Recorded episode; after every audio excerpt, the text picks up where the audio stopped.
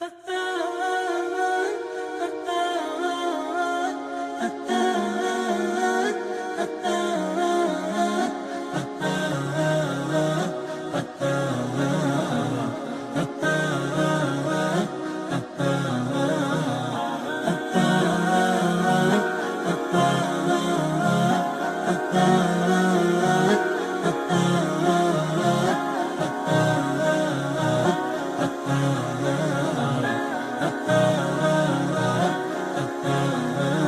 الحمد لله نحمده ونستعينه ونستغفره ونتوب إليه ونعوذ بالله من شرور أنفسنا ومن سيئات أعمالنا. من يهده الله فلا مضل له ومن يضلل فلا هادي له. وأشهد أن لا إله إلا الله وحده لا شريك له. وأشهد أن محمدا عبده ورسوله صلى الله تعالى عليه وعلى آله وصحبه وسلم.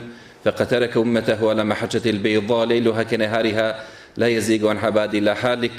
فإن أصدق الحديث كتاب الله وخير الهدي هدي محمد صلى الله عليه وسلم وشر الأمور محدثاتها وكل محدثة بدعة وكل بدعة ضلالة وكل ضلالة في النار Posle zahvala Allahu subhanahu wa ta'ala i pošto smo doneli salavat i selam na našeg posljednjeg poslanika i na Allahog miljenika Muhammeda sallallahu alaihi wa sallam, draga braćo i poštovane sestre, salamu alaikum wa rahmetullahi wa barakatuh.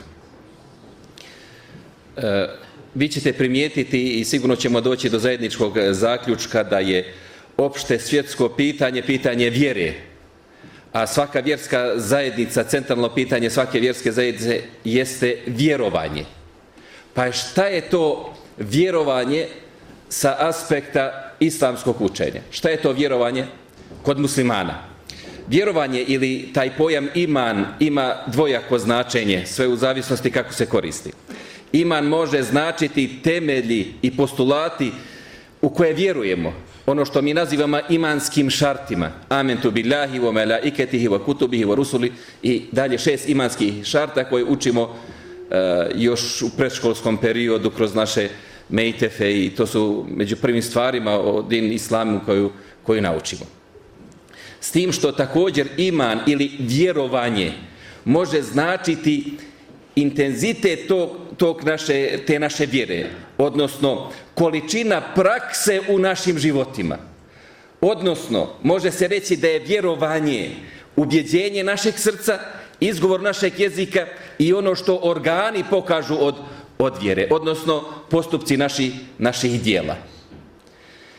Sada, interesantno je e, pomenuo Hasan al-Basri, rahmetullahi ta'la alihi, taj prvak iz druge generacije muslimana koji je vjerovanje opisao i rekao da je to ono što se usadi u našim srcima i ono što pokažemo našim dijelima.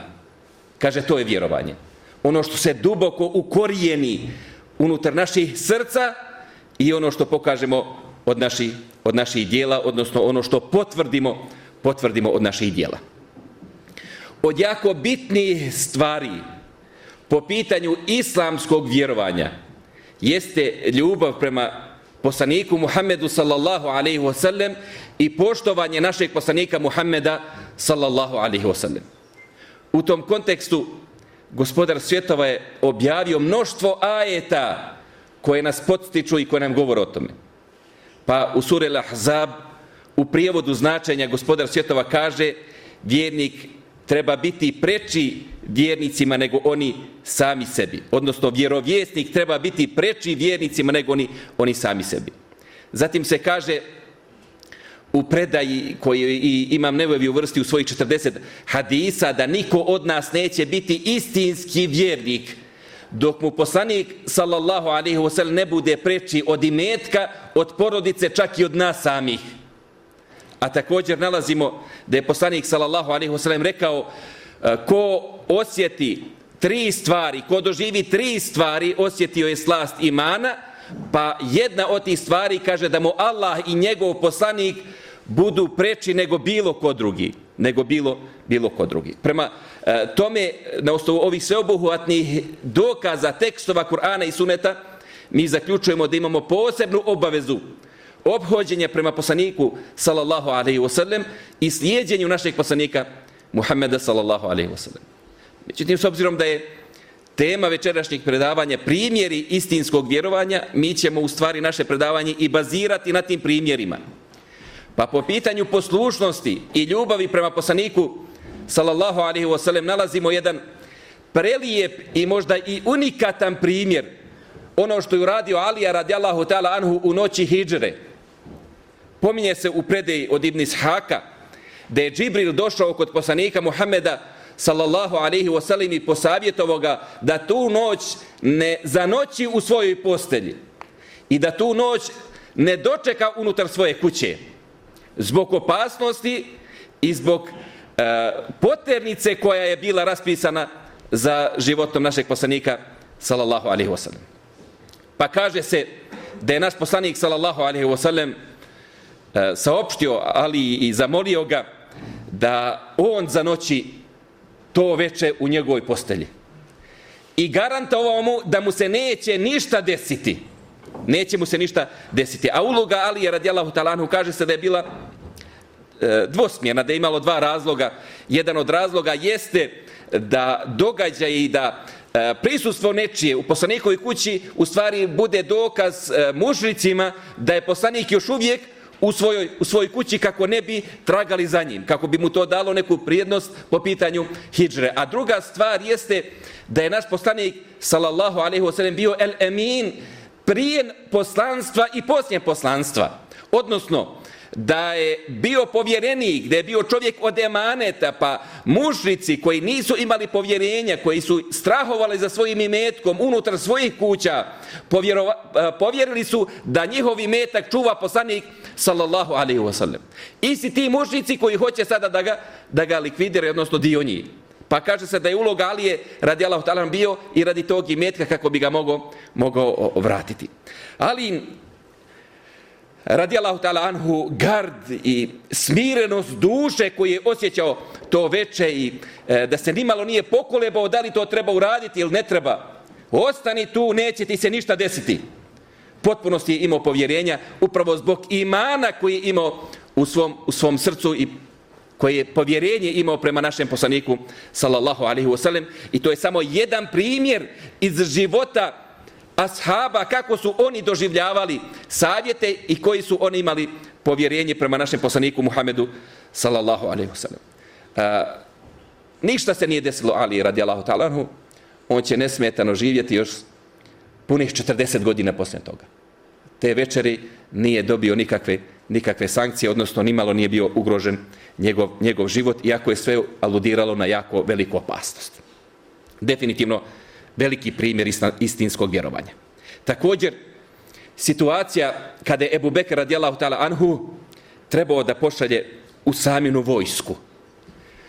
E, zadnjih dana svoga života naš poslanik sallallahu alejhi ve sellem je intenzivno radio na opremanju vojske e, na čijem čelu je postavio Usamo ibn Zeida a imali su zadatak da nastave svoje napredovanje prema Šamu pa je e, slanje te vojske stopirano iz razloga što je smrt došla našem poslaniku Muhammedu sallallahu alaihi ve sellem u tim danima muslimani su bili skrhani desili su se desio se najveći udarac islamskom ummetu.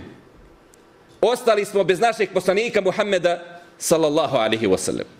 Vi pogledajte kada preseli neka učena osoba iz naše generacije, iz našeg okruženja, da to djelimično izazove paniku unutar naših redova.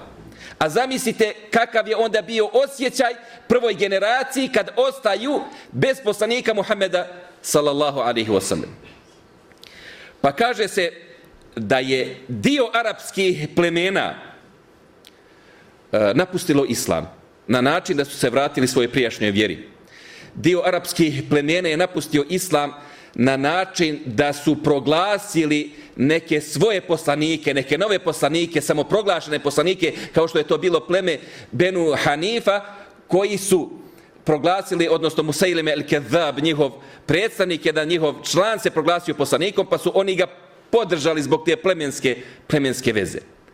Kažu neka arapska plemena su u stvari udaljila se od islama na način da više nisu htjeli da daju zekat. Nisu više htjeli da prihvate islamske šarte kompletne, nego kažu hoćemo da, da nas oslobodite, oslobodite zekijata. I kaže se u tim danima da se džuma namaz uspostavljala samo u haremu Mekke i haremu Medine.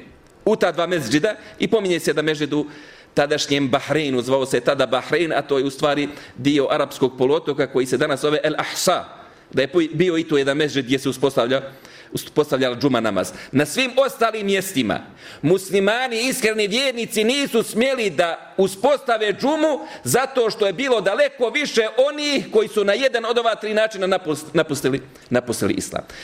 Ta nova situacija aludirala i ukazivala da slanje vojske na čelu sa Osamom ibn Zeidom ne treba ići prema Šamu, već treba da bude usmjerena prema tim novim problemima, odnosno prema otpadnicima od Islama.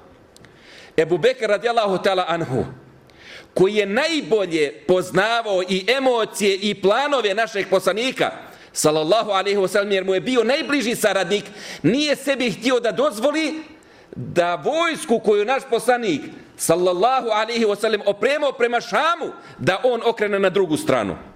I odbio to kategorično. I rekao opremljena radi tog zadatka, mora obaviti taj zadatak. Pa kaže se kada su krenuli ta vojska kada se uputila prema Šamu sa svom svojom snagom, sa svom svojom disciplinom, sa svim svojim brojem koji su posjedovali, bio je razlogom da plemena koja su svjedočila tome da se poboje snage muslimana i da se dobrovoljno vrate u okrilje Islama. Kažu, ako je ovo vojska koja je upućena radi novih osvajanja, pa kakva je onda vojska koja je ostala da zadrži red unutar države? taj postupak i pronicljivost Ebu Bekra radijallahu ta'ala anhu i njegovo povjerenje prema poslanikovi sallallahu alaihi wasallam odluci donijelo je i rezultiralo da se muslimani vrate u okrilje Islama bez ikakvi u tom dijelu, u tom postupku bez ikakvi e, borbi, bez ikakvog krvoprolića. Također primjer e, povjerenja i ljubavi prema našem poslaniku sallallahu alaihi wasallam vidimo i slučaja Omera radijallahu ta'ala anhu kaže se tokom svog hilafeta, tokom svoje vladavine, dijelio je ratni plijen.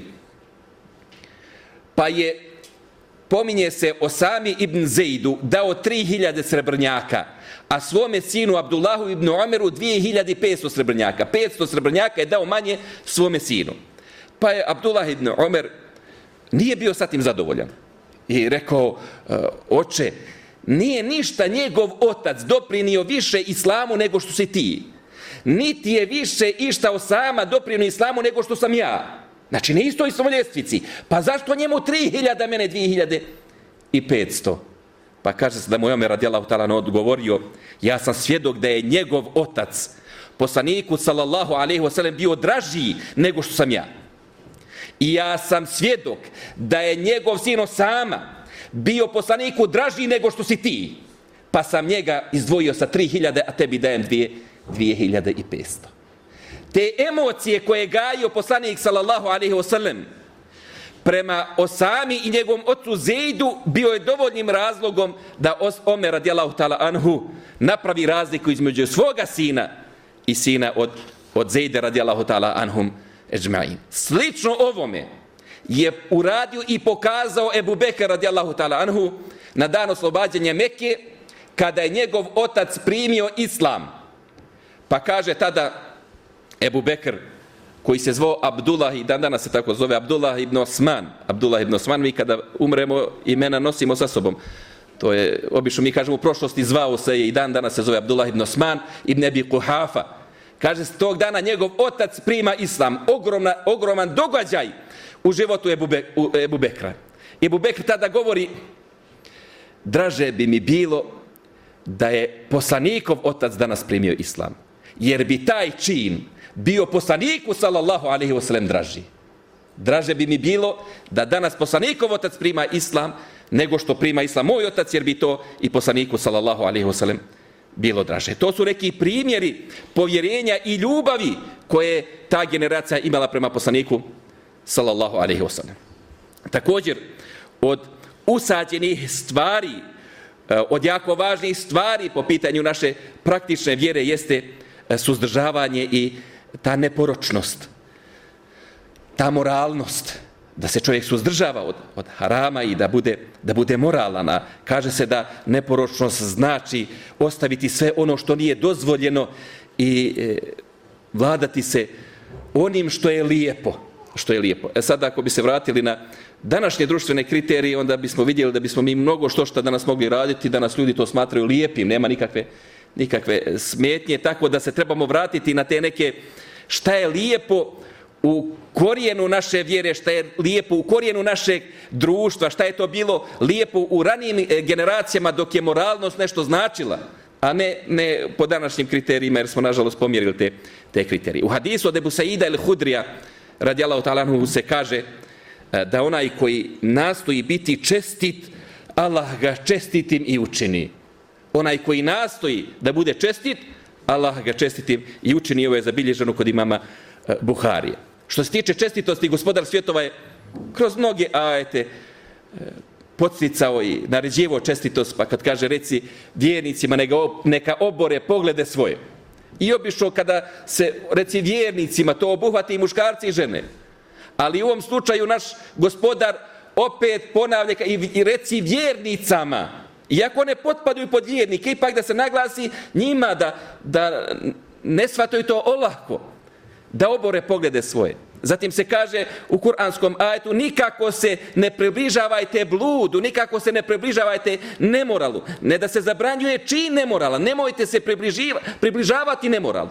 Pogledajte poruke i, i ajeta koje gospodar svjetova e, objavljuje. Definitivno da neporočnost i da moralnost ima ogromnu, ogromnu vrijednost. Samo u jednom hadisu kada se govori o sedmorici u hladu Arša, kada drugog hlada ne bude bilo, govori se i o skupini onih koji su se suzdržali od nemoralnosti i to u situacijama kada su to mogli uraditi bez ikakvih dunjalučkih sankcija. Znači oni se ubrajaju u sedam posebnih skupina na sudje danu koji će imati, imati određene privilegije.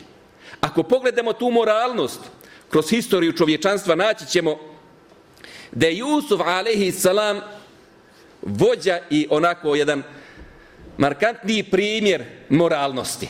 Jusuf salam bio je mladić izuzetne ljepote, a bio je rob nemoralne i raskolašene žene i ta ugledna i bogata žena se jednog dana posebno našminkala i dotjerala, kaže se, zaključala sva, sva vrata kako bi se Jusuf a.s. osjećao što bezbednije, kako bi se kako i niko ne bi prekidao i tada ga je pozvala pozvala k sebi pa je Jusuf a.s. odgovorio sačuvaj Bože vlasnik me moj pazi a oni koji dobro uzvrate zlim neće nikada uspjeti kaže se da je Jusuf rekao ono što je prenio gospodar svijeta u suri, u suri Jusuf dakle Jusuf a.s je odbio i uspio da se odupre svojim, svojim strastima a ko se prepusti svojim strastima one ga zavedu, a ko uspije da se odupre svojim strastima, Allah ga poslije toga ojača. Znati sami šta se je desilo da su e, zatekli su i osamljene u, u prostoriji i to u trenutku dok ga je mi je zovemo Zuleha, nije došlo predajama, ali u našem narodu se ova žena zove Zulehom. Dok ga je Zuleha uh, vukla prema sebi, tako u toj, u toj situaciji su zateknuti, Pa je opet e, njen muž, e, ministar koji je bio, koji je bio vlasnik Jusufa, svoje ženi pogledao kroz prste, zamolio je da nikom ne priča i kako se sramote ne bi proširila i da nastave da žive kako, kako žive. Međutim, ova žena nije stala na tome. Ona je smatrala da je sasvim prirodno ono što je ona htjela. Pa je sakupila, kaže se, svoje drugarice kojima je podijelila voći i podijelila je e, noževe kako bi to voće e, ogulile. Pa kaže se kada je naredila Jusufu da uđe, kada su te žene vidjele Jusufovu ljepotu, da su se porezale, nisu to ni, ni osjetili. I tada nastavlja se ta, e, ta poročnost od strane tih ljudi. Nastavlja se napada Jusufa, Jusufa a.s. pa on kaže, gospodaru moj, draži mi je tamnice ono, od onoga na što me one navraćaju. Pa stvarno Jusuf a.s. je na kraj i završio unutar svoje tamnice i znati sami završetak i e, koji je, koja je bila nagrada njegove neporočnosti i e, njegove moralnosti i toga što je postupio i pokazao pravi primjer istinskog, istinskog vjerovanja. E, sličan primjer ovome se desio u umetu Muhammeda sallallahu alaihi wasallam. I to se pominje kao priča sa Ataom ibn Jesarom. Ovaj pobožnjak je krenuo na hađ sa svojim bratom Sulejmanom ibn Jesarom i sa nekim svojim prijateljima. Kada je došlo do mjesta koji se zove El Ebuva, napravili su logor, napravili su, spustili su svoje stvari I kaže se da je Ata ibn Jesar sam ostao kod tih stvari.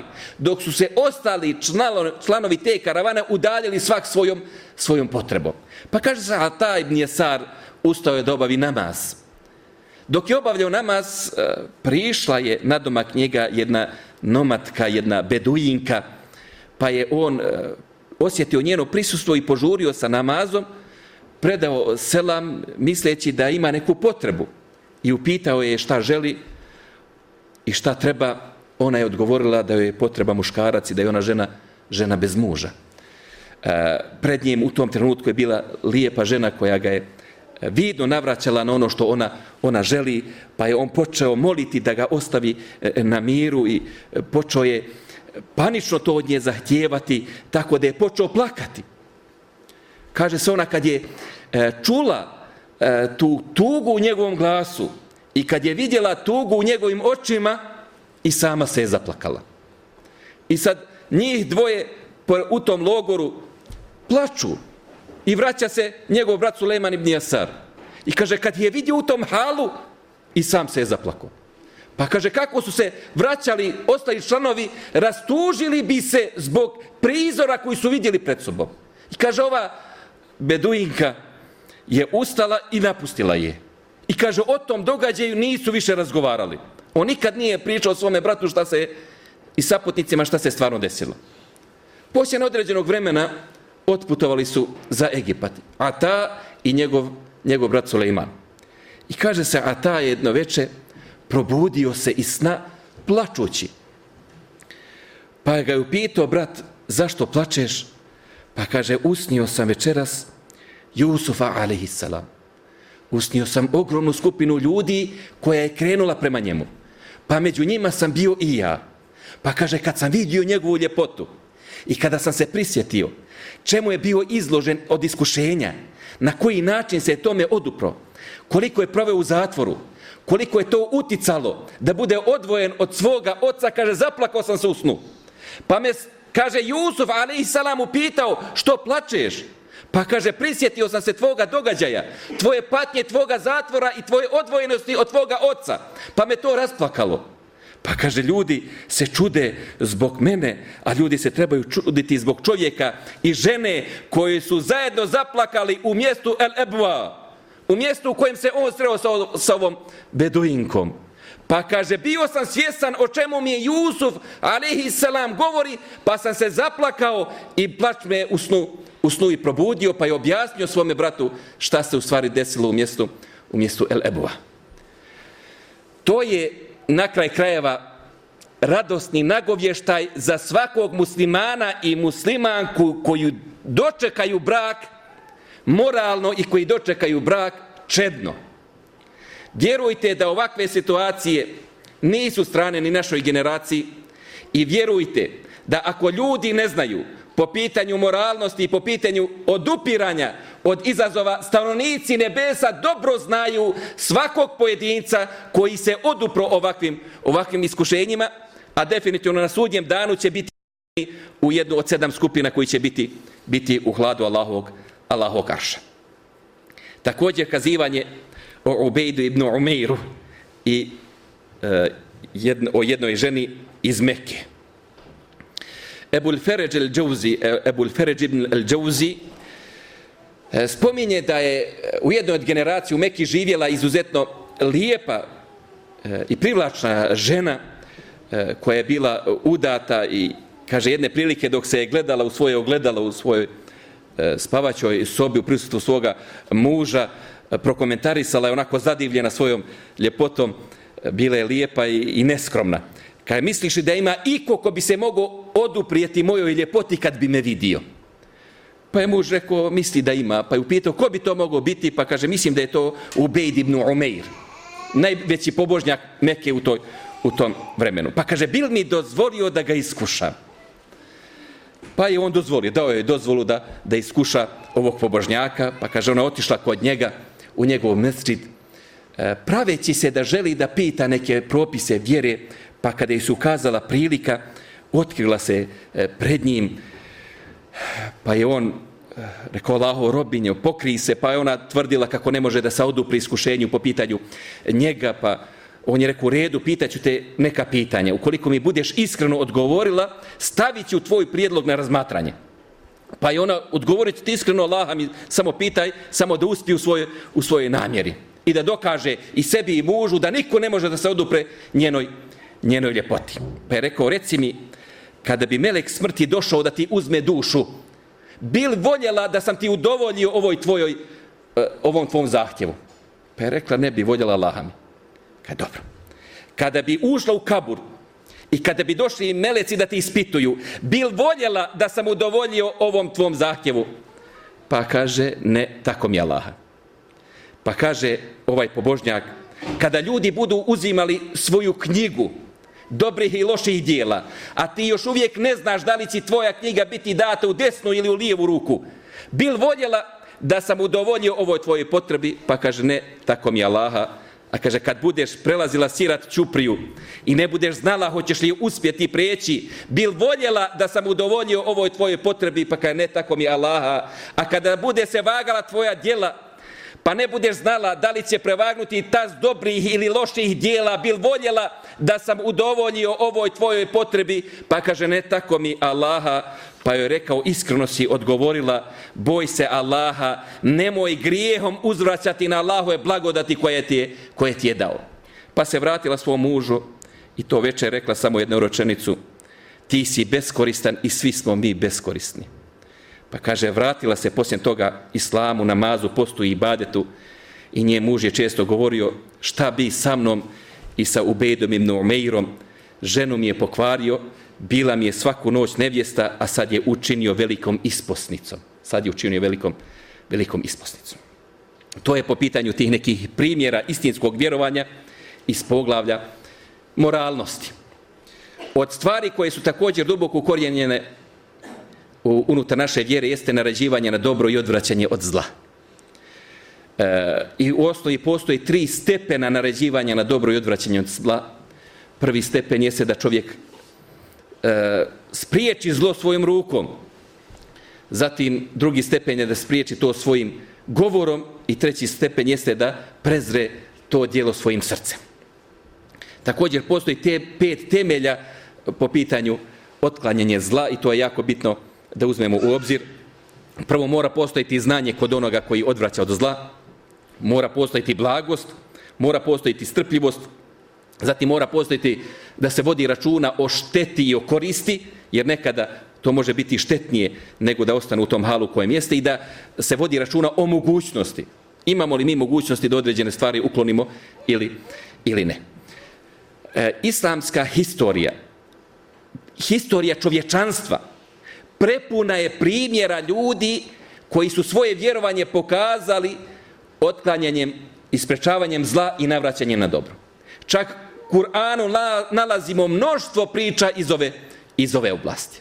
Pa dobro vam je poznato primjer vjernika iz Faraonove porodice. Faraon e, je sve više i više mu je smetalo Musa ovo prisustvo. A sam Musa, alaihi salam, sve više intenzivnije pozivao narod po pitanju monoteizma, pa je Faraon odlučio da ubije Musa. I kaže se, zatražio je dozvolu od svoje svite, onako marketinški, da mu daju dozvolu da ubije Musa, Musa a.s. Tada je na scenu stupio čovjek o čem je vjerovanju gospodar svjetova govori, kaže da je E, došao čovjek, vjernik iz porodice Faraonove i rekao, zar da ubijete čovjeka samo zato što tvrdi moj gospodar je Allah? Znači, zar je to razlogom da ga, da ga ubijete zato što je monoteista? Pa je zatim objasnio i rekao i Faraona pozvao da oni koji se budu e, protivili i ubijali monoteiste, da im je zagarantovana propast. Takva država sigurno će propasti. Zatim je objasnio i rekao da su drevni narodi nestali i bili kažnjeni upravo zato što su se suprostavljali takvim ljudima. I upravo je riječ istine ono što može da poljulja stav i tron zulumčara kao što je bio faraon. Riječ istine je ta koja može da probudi i da osvježi ona srca koja su nemarna i koja su, koja su uspavana. Zato je naš poslanik sallallahu alaihi wasallam rekao da je najveći džihad kada nepravednom vladaru izgovorimo riječi istine u njegovom licu. I nema nigdje riječi istine na Facebooku. Znači ono što mi pišemo na Facebooku po pitanju nepravednih vladara, to do njih ne dolazi. Znajte, znači oni to ne čitaju, sigurno. Tako ako imate prilike da face to face kažete svim onim sa kojima niste zadovoljni, uradite. A po Facebook samo širi, širimo srkleti, samo širimo neku negativnu, negativnu energiju. Definitivno je e, na ovaj način, ovaj čovjek iz Feraonovog naroda, ostavio, uzdigao e, tu zastavu tevhida e, visoko, pokazao pravi primjer na koji način, u kojoj situaciji treba reagirati, na koji način treba reagirati i definitivno nam je gospodar svjetova postavio na ovaj, na ovaj način i ostavio primjer istinskog, istinskog vjerovanja. Također nalazimo primjer čovjeka iz sure Jasin, kada su poslanici koji je bilo više pozivali narod, I kada su se spremali da ubiju te poslanike, kaže, došao je čovjek s kraja grada žureći i rekao, ljudi, slidite one koji vas pozivaju istini, a za uzvrat nikakvu nadokradu ne traže. I pozivo je, pozivo je monotizmu. Pa kaže se, oni su u tom trenutku ostavili poslanike, okrenuli su se prema njemu i ubili ga. U trenutku kada je usmrćen, gospodar svjetova mu je dao da vidi svoje mjesto u dženetu i nagrade koje je zaslužio, Pa kaže se da je tada ovaj čovjek rekao, onako kako se to prenosi u Kur'anu i kako tefsir to Ibn Abbas, radijalahu radijallahu ta'ala anhuma, kaže, kamo sreće da moj narod može vidjeti nagrade koje mi je gospodar svjetova pripremio, ne bi li mu to bio razlog da se vrate našem gospodaru i da povjeruju unutar, unutar naše vjere. Posljednje njegove riječi na ovom dunjaluku su bili naređivanje na dobro i odvraćanje od zla jer je ljudima preporučivao da slijede poslanike, a da ih ne ubijaju. A prva rečenica, pošto je usmrćenje bila, E, nada i želja da ti ljudi vide šta je on dobio od nagrade, ne bi li im to bio razlog da se Allahu vrate. Pogledaj koliko je kod ovog čovjeka bilo naglašena želja da njegov narod primi islam. E to je onaj e, detalj, to je onaj primjer koji bi mi trebali da da ponesemo. Najlakše je neprijateljski se odnositi prema svome narodu, najlakše je doviti protiv njega, proklinjati i slično tome. U ovom narodu nema hajira i sliče, slične stvari. A ono što je najefikasnije i ono na kraj krajeva što se od nas traži jeste da saburamo i da pokušamo, ako Bog da, da popravimo one stvari koje se mogu, mogu popraviti. Također od ekstremnijih primjera, markantnijih primjera po pitanju odvraćanja od zla i navraćanja na dobro jeste ono što se desilo imamu Neveviju. Kaže se, kada je tadašnji sultan e, Memluka, tada je već bila Memlutska država, e, i ona je skoro 300 godina e, bila, bila na sceni poslije Nabasija, prije nego što su smali uzeli hilafet u svojim, u svojim rukama. Kaže se da je Zahir, tadašnji sultan, odlučio da se suprostavi najezdi Tatara. Pa je uzao mišljenje, savjeti, odnosno fetvu, islamskih učenjaka da mu je dozvoljeno da konfiskuje imovinu svog stanovništva kako bi to koristio da bi finansirao svoju vojsku. Čak su mu tadašnji učenjaci dali pismenu fetvu da je to, da je to dozvoljeno. Jedini ko, ko to nije uzao u obzir, ko nije htio to da potpiše, jeste Muhyiddin en-Nevovi.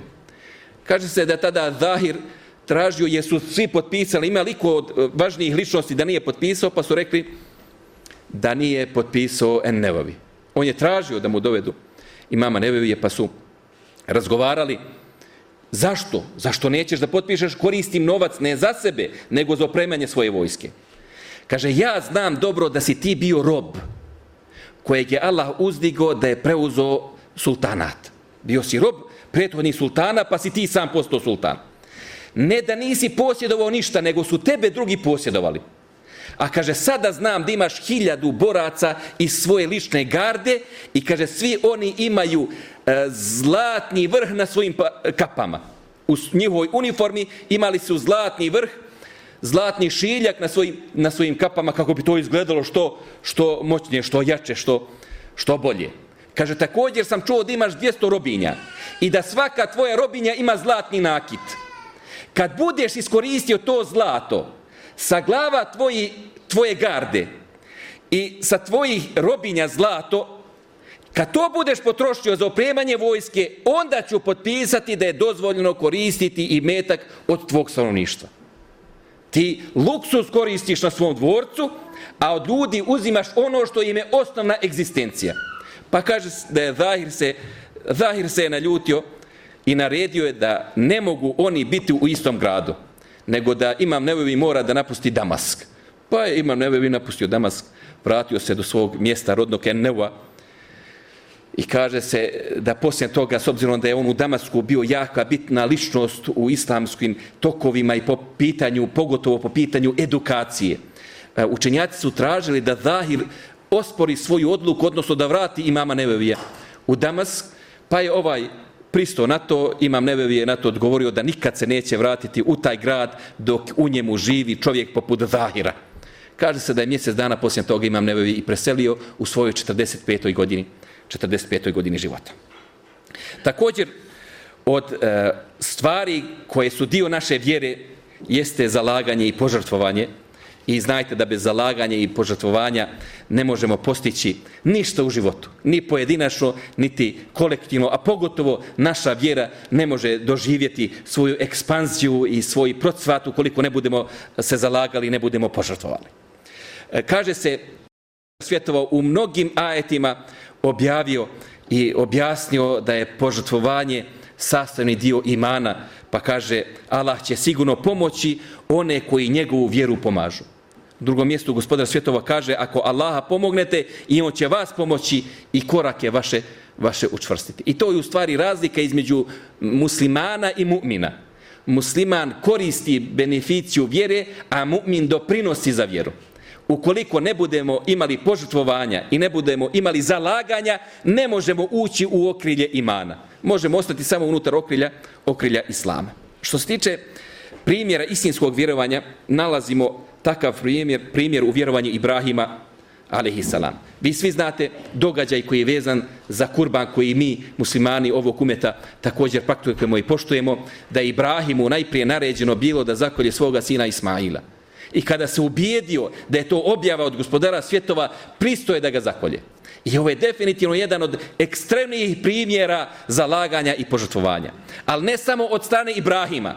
Pogledajte njegovog sina Ismaila, pristoje na taj čin i podstico svoga oca da se ne pokoleba, nego da uradi ono što mu gospodar svjetova naređuje. Zato gospodar svjetova u Kur'anu spominje Ismaila i kaže, spomeni u knjizi Ismaila, on je ispunjavao dato obećanje i bio je poslanik vjerovjesnik. Znači, definitivno primjeri koji ukazuju na zalaganje i na požrtvovanje. Zatim, primjer sa Musabom ibn Umeirom radijalahu talanhu. Kaže se da je Musab ibn Umeir bio jedan od bogatijih mladića Mekke, živio u jednoj od bogatijih porodica, imao je najljepši komfor, imao je najljepšu hranu, imao je najskuplje mirise. Kaže se da su njihove komšije koristile onu vodu koju je njegove ukućani koristili da bi njegova garderoba bila oprana kao deterđent za njihovo pranje. Znači, kad završite sa pranjem njegove garderobe, nemojte to prosipati, dajte nama da mi potopimo našu garderobu, da se prenese onaj miris koji, koji on koristio na svoj, na svojoj garderobi. Međutim, kada je primio islam, ostao je bez svih ovih beneficija. Njegova porodica je dalje ostala na nevjerstvu, pa da bi izvršili pritisak na njega, istjerali su ga iz kuće. Kaže se da je živio na javnim mjestima i da se hranio skoro po otpacima.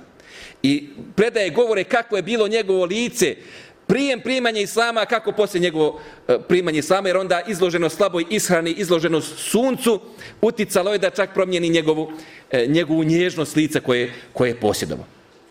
Naš poslanik, sallallahu alaihi wasallam, ga je poslao u druge prisjege na Akabi da se pridruži stanovnicima Jesriba kako bi pozivao islam. kada je naš poslanik sallallahu alejhi ve sellem godinu dana poslije toga učinio hidžru, kad nije bilo kuće u Medini, a da nije bio barem jedan musliman, a sve trudom i radom Musaba ibn Mumeira. Kaže se da je Musa ibn Umeir u, u danu Uhuda, kada je bila bitka na Uhudu, bio je bajrektar.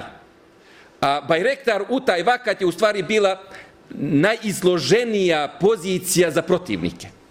Jer je na taj način, ukoliko oduzmeš bajrak i ukoliko ljudi ne vide u kojem smjeru trebaju da napreduju, dolazi do nereda unutar vojnih redova. Tako da je Musa ibn Umeir bio izložen napadima. Pa kaže se da, da mu je tada prišao Ibn Kame, koji je bio nevjernik mušrik, i da bi mu oduzo bajrak, da bi mu oborio bajrak, udario ga sabljom po ruci, tako da mu je ocijeko šaku. Kaže se da je tada Musa bin Mej rekao وَمَا مُحَمَّدٌ إِلَّا رَسُولِ قَدْ خَلَتْ مِنْ قَبْلِهِ الرُّسُلِ Kaže, a Muhammed je samo Allahov poslanik, a i prije njega je bilo poslanika, pa je uhvatio bajrak lijevom rukom. Čovjek se vratio i ocijekao mu lijevu ruku.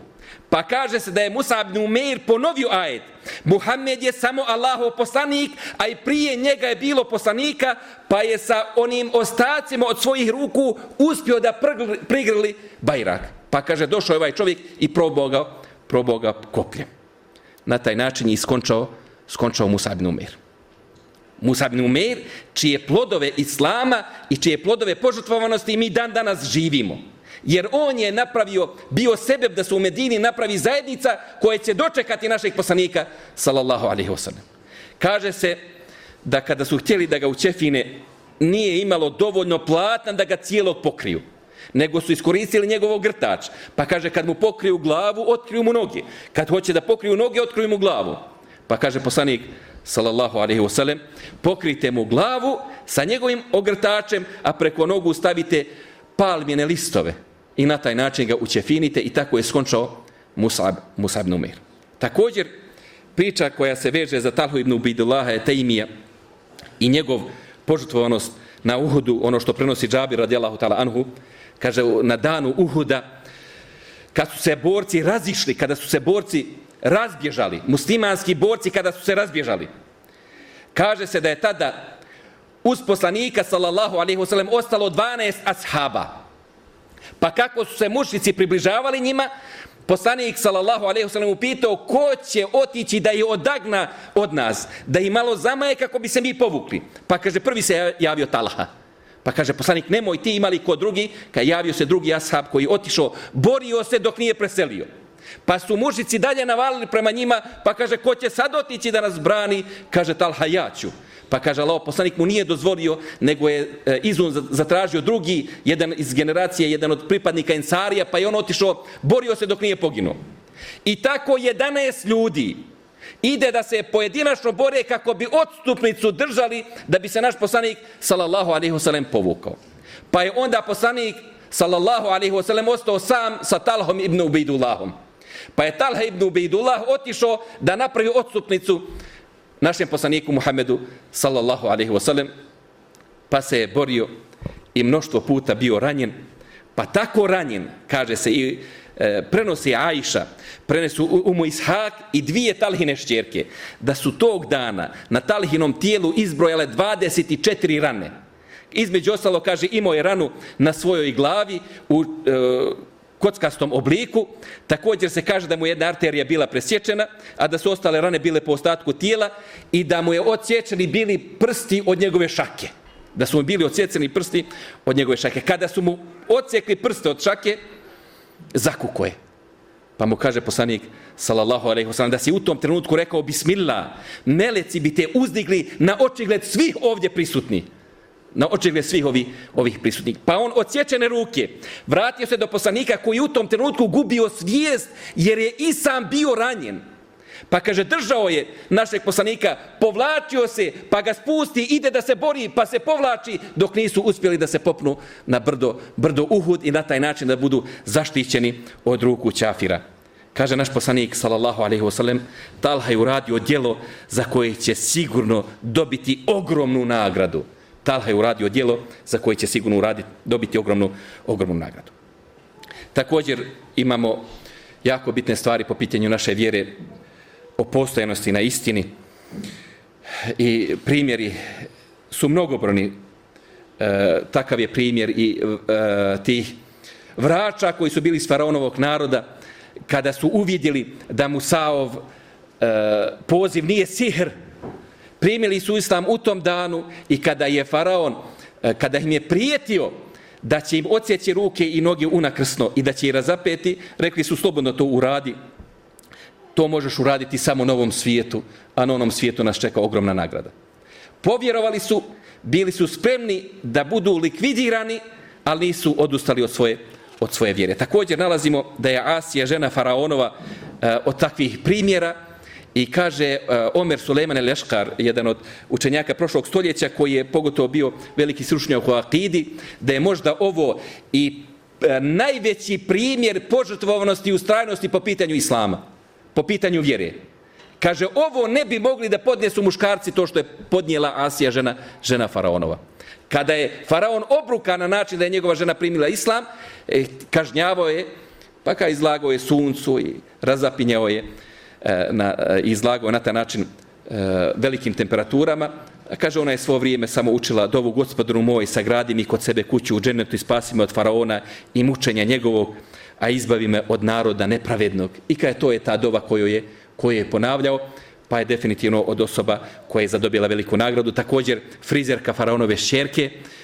Živjeti na dvoru faraona je bila privilegija. Živiš u blagostanju. Pa je ova žena krila svoju vjeru. Međutim, jedne prilike kad je pao češilj dok je češljala faraonovu šćerku, sagajala se i rekla bismillah u ime Boga. Pa kaže faraonova šćerka, je to u ime moga oca? Kaže ne, u ime Boga moga i tvoga oca. Pa je za njih to bilo čudo da faraon ima svoga Boga, pa zar nije on, zar nije on Bog? Pa je to došlo do ušiju faraona, doveo na ispitivanje i ona nije htjela da se odrekne svoje vjere i kaže se tada da je okupio svu njenu djecu da je e, donio ključalo ulje i da je zaprijetio ukoliko ne odustane od svoje vjere da će, da će pogubiti i djecu njenu i nju. Ona je imala samo jednu želju. Kaže se da je tražila da ono mese i kostiju što ostane u ključalnom ulju da sakupe na jedno mjesto i zajedno da ih sahrane. Pa je faraon to udovoljio, pa kaže bacao jedno po jedno dijete dok nije ostalo dojenče u njenim rukama. Pa kaže se da je tada doživela ta vrhunac njenih emocija. I da se tada pokolebala, treba dojenči svojih ruku da, da baci. Pa kaže se da je tada dojenče reklo, majčice, uđi u kazan jer patnja na ovom svijetu mnogo je lakša od one na budućem. Pa je to bilo uh, ohrabrenje i ušla je i žrtvovala se i ovo je zabilježeno kod imama, kod imama Ahmeda. Također ima i drugih stvari po pitanju vrijednosti naše vjere, E, strpljivost prilikom nada, nedaća i ono što se prenosi od Jusufa, odnosno od Ejuba. Kaže se da je Ejub imao ogromno blago, da je imao fenomenalno zdravlje i da je imao veliki porod. Ostao je bez imetka, ostao je bez poroda i ostao je bez zdravlja. Jedino što je ostalo isto jeste njegovo srce. Kad je bio je čvrst u vjeri i prije toga i poslije toga bio je zahvalan Allahu subhanahu wa ta'ala i prije toga i poslije, i poslije toga također od vrijednosti naše vjere jeste udeljivanje na lavom putu, pa vidimo Ebu Bekru djeljuje cijel imetak, vidimo Osmara radijala u dva puta kupuje sebi dženet, vidimo nakar krajeva Abdurrahman ibn Auf koji cijelu svoju karavanu sa ogromnim blagom poklanja na lavom putu kada je čuo vijest da je od sonika dženeta, također iskreno pokajanje e, jeste od vrijednosti naše, naše vjere. Dovoljno je samo da se vratimo ako budete u prilici ikada. Maiz, kako se je pokao Maiz i kako se je pokala, Eh, pokajala žena iz eh, plemena Gamida. Šta su one uradili, koliko su bili spremni, na koji način da onkočaju svoj život samo da bi im gospodar svjetova primio pokajanje. Također od vrijednosti naša vjere odanost prema, prema našem vjerovanju, kao što je to uradio Abdullah ibn Abdullah ibn Ubeji, ibn Salul i mnogi drugi iz prve generacije, također od vrijednosti naše vjere jeste i bratstvo u ime Allaha subhanahu wa ta'ala i to bi trebala biti jedna od tačaka u kojoj posebno moramo da vodimo računa i da pokažemo istinito svoga vjerovanja preko lijepog obhođenja prema ostalim, ostalim muslimanima. Ovo su neki primjeri od stotine primjera koji se mogu naći kroz historiju čovječanstva i kroz historiju islama. E, želja nam je bila samo da vidi moguće svi su ovi primjeri pokazatelj kako je moguće ukoliko i mi budemo htjeli, možemo da pokažemo naše vjerovanje i možemo da doprinesemo širenju naše, naše vjere i jačanju naše, naše zajednice. Čim smo živi, čim smo sada na ovom mjestu, samim tim smo i obavezni da damo svoj doprinos po pitanju naše vjere i po pitanju požutvovanja za našu, za našu vjeru. Allah da vas nagradi zbog dolaska, zbog pristunog slušanja, zbog povjerenja koje ste pokazali prema meni. Allah da nagradi uh, one koji su me pozvali, molim Allaha subhanahu wa ta'ala da ove riječi budu dokaz za nas, nikako protiv nas na sunjem danu. Subhanik Allahumma ve bihamdik, ešhedu en la ilaha illa ent, estakuruke wa etubu ilaik.